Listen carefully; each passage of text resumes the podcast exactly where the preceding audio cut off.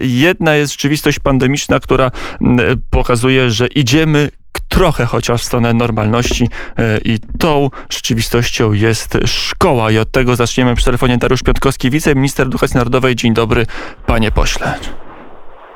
Dzień dobry, witam serdecznie. I panie ministrze odpowiedzialny za szkolnictwo, dzisiaj konferencja, taki wspólny brok pytań i odpowiedzi, gdzie był obecny prezydent Andrzej Duda i minister edukacji i nauki. Tam padały pytania, co się stanie ze szkołą, jak będzie wyglądał ten powrót, bo wiemy, to już jest jak rozumiem pewne i tutaj żadnej zmiany nie ma, że od poniedziałku klas 1-3 wracają do szkół.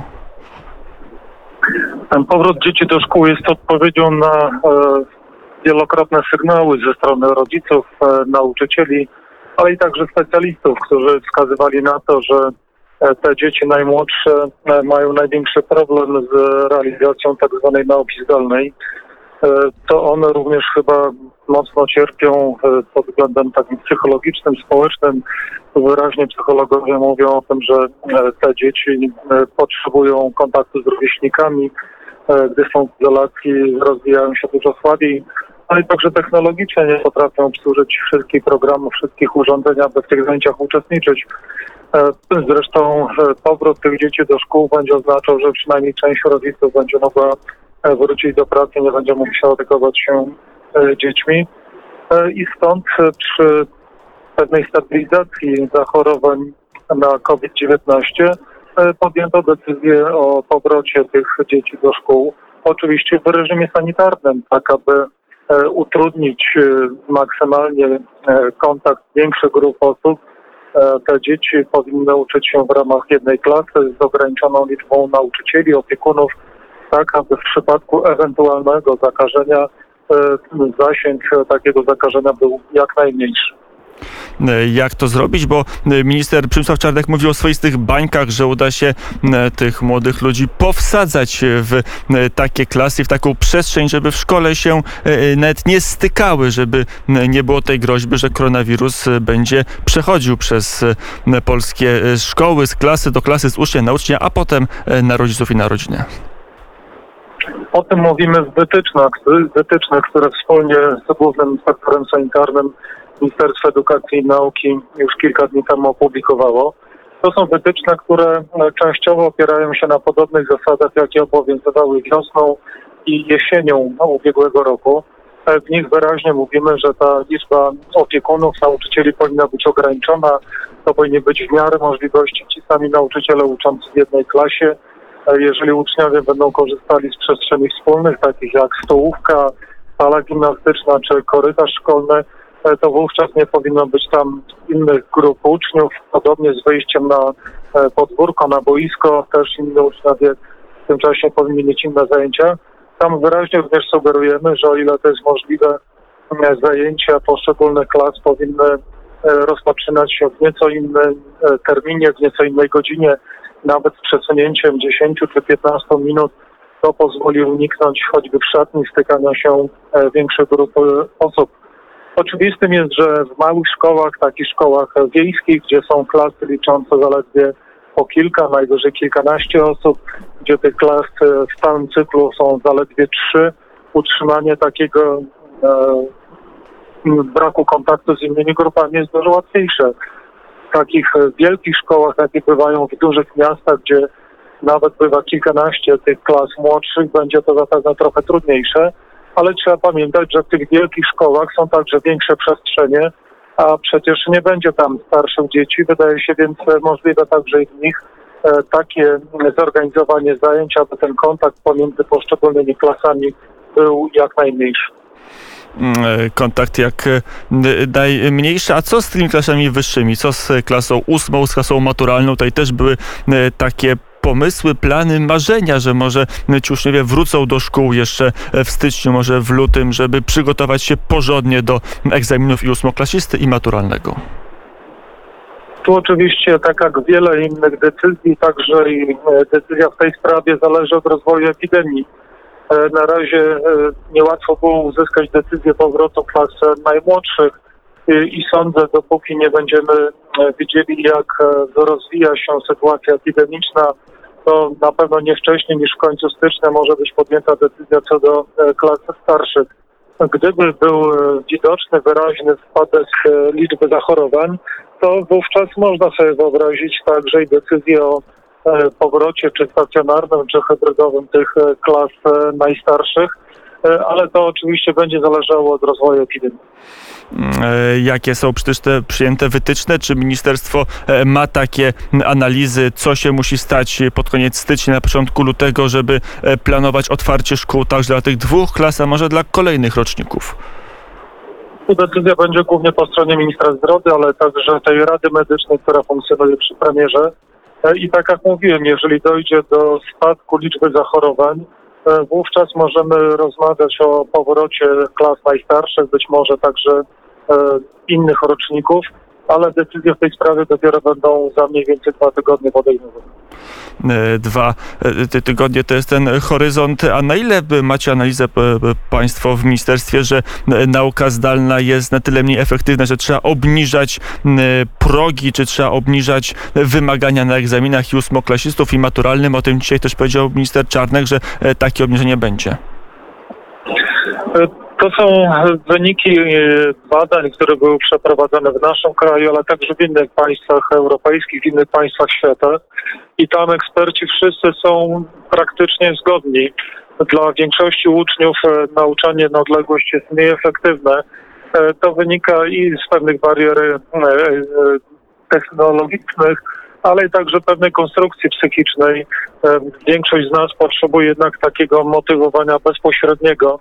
E, Młodzi ludzie sami nie mają tak dużo wytrwałości, aby samodzielnie motywować się do e, wytężonej nauki. Jednak obecność nauczyciela w klasie, bezpośredni kontakt z nauczycielem, e, to ciągłe motywowanie jest jednak skuteczniejsze, gdy kontakt jest bezpośredni. Stąd wyraźnie mówi się, że to nauczanie na odległość e, jednak dla większości uczniów jest trudniejsze. Są co prawda grupy uczniów takie bardziej zamknięte w sobie, które e, dobrze sobie radzą także przy tym nauczaniu na odległość, ale oni także jednak potrzebują takiego, takiej dodatkowej motywacji, a ona jest dużo skuteczniejsza przy bezpośrednim kontakcie człowieka z człowiekiem. To jest e, prawda, chociaż pamiętam tą pierwszą pandemię, wtedy pan minister mówił, że tak wcale być nie musi, że ta edukacja zdalna może być e, równie wartościowa jak e, ta na odległość. Widać, że czas te tezy zweryfikował negatywnie. Ale powiedziałem o tym przed chwilą, że w niektórych wypadkach, w zależności od charakteru nauczyciela, sposobu przygotowania zajęć, od charakteru uczniów, ta me- me- edukacja może przynosić podobne efekty jak e, edukacja stacjonarna. To no, jakie są efekty, bardzo wiele zależy od osób, które w tej edukacji uczestniczą. Z jednej strony od tego, jak nauczyciele przygotowują zajęcia, jak one są interesujące dla uczniów, ale również od e, psychiki samych uczniów i ich predyspozycji. Niektórzy z nich, tak jak mówiłem, nawet wolą zajęcia bezpośred- bezpośredniego kontaktu e, i nauki w grupie, a inni wręcz przeciwnie są wtedy zdemotywowani i w ich wypadku jest, efekty są dużo, dużo słabsze. Mm, e, I to widać e, pewnie trochę na egzaminach.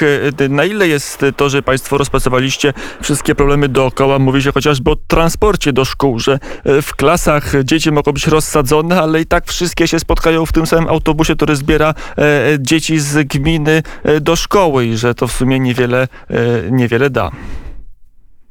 No ale tu mieliśmy wyjście, kontynuować e, naukę na odległość, która wszyscy potwierdzają, że w przypadku dzieci najmłodszych e, no nie jest najlepszym rozwiązaniem. Ponadto dzieci przecież nie są zamknięte w domach, wychodzą także na zewnątrz, mają kontakt z innymi osobami. Nie da się więc stworzyć takiej sytuacji, że całkowicie wyizolujemy czy zamkniemy te dzieci najmłodsze. To dla ich psychiki byłoby bardzo niedobre. Ponadto m, trzeba pamiętać, że w komunikacji publicznej, a taką są e, autobusy dowożące dzieci, no, obowiązują też pewne dodatkowe reguły mówiące o liczbie zajętych miejsc, o konieczności używania osłony nosa i ust e, czy dezynfekcji rąk. I te wszystkie zasady muszą być przestrzegane podczas e, dowozu.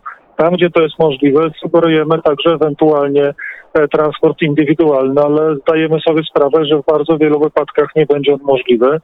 I tak jak e, mówiłem kilka minut temu, te szkoły wiejskie często są to szkoły niewielkie, w których uczy się najwyżej kilkunastu, dwudziestu kilku uczniów z tych klas 1-3 e, często, więc nie będą to jakieś duże grupy osób e, przewożonych transportem publicznym.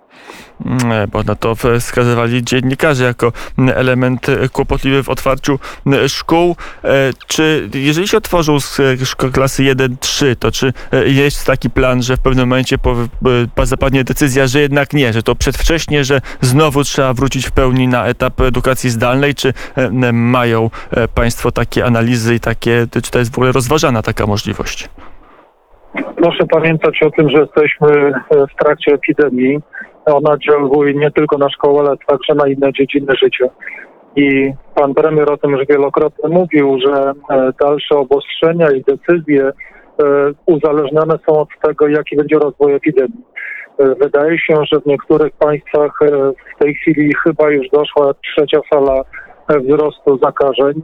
W Polsce na razie nie jest to widoczne, ale czy za kilka lub kilkanaście dni e, takiej sytuacji nie będzie, my nie jesteśmy w stanie dziś przewidzieć. Żadne modele matematyczne, które dotąd e, miały prognozować rozwój epidemii, tak naprawdę się nie sprawdziły. Jesteśmy więc przed e, niewiadomą. I jeżeli dojdzie do e, wzrostu liczby zachorowań w Polsce, to wówczas jest, wydaje się oczywiste, że e, zarówno obostrzenia będą przedłużane, być może bądź nawet zaostrzane i być może będzie wycofać się także z decyzji dotyczącej powrotu e, dzieci do szkół. Tego wykluczyć nie możemy. Zależy to od e, rozwoju epidemii, od liczby zachorowań. Mm, Przy telefonie popołudnia wnet Dariusz Piątkowski, wiceminister edukacji, mm, odpowiedzialny za szkolnictwo, poseł Prawa i Sprawiedliwości, zresztą mm, z Podlasia. E, Panie pośle, e, pytanie o szczepienie nauczycieli się pojawia. Mm, Na ile to jest możliwe? Związkowcy oczywiście chcą, aby e, nauczycieli szczepić jak najszybciej. Kiedy będzie taka możliwość? Czy to jest możliwość, aby doszło do tych szczepień także w tym momencie, kiedy się szczepi seniorów, czy to jednak będzie grupa następna?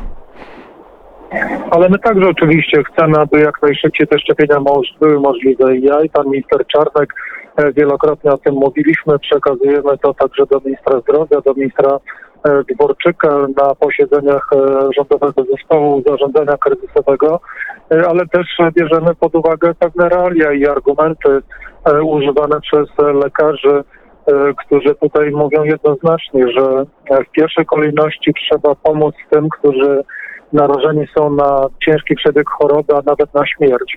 I tutaj prawdopodobieństwo takiej sytuacji jest e, największe w przypadku osób najstarszych. Tutaj badania wskazują, że nawet e, w przypadku osób 70 czy 80-letnich, gdy pojawia się e, COVID-19, to wówczas niebezpieczeństwo ciężkiego przebiegu choroby bądź nawet śmierci wynosi kilkadziesiąt procent. I musimy to uwzględnić. Stąd decyzja rządu o tym, aby w pierwszej kolejności szczepieniom podlegali ludzie najstarsi. To oni w pierwszych tygodniach będą e, zaszczepiani, a nas e, wszystkich ogranicza oczywiście liczba szczepionek. Gdyby ta liczba szczepionek była e, nieograniczona, wówczas na pewno zostałyby zwiększone możliwości e, logistyczne, tak aby wyszczepić jak największą liczbę osób jednocześnie i wówczas lekarze znajdowaliby się wśród tych e, grup najszybciej zaszczepionych. Trzeba pamiętać, że dzięki zabiegom Ministerstwa Edukacji e, nauczyciele znaleźli się w tej pierwszej grupie osób, które będą e, szczepione.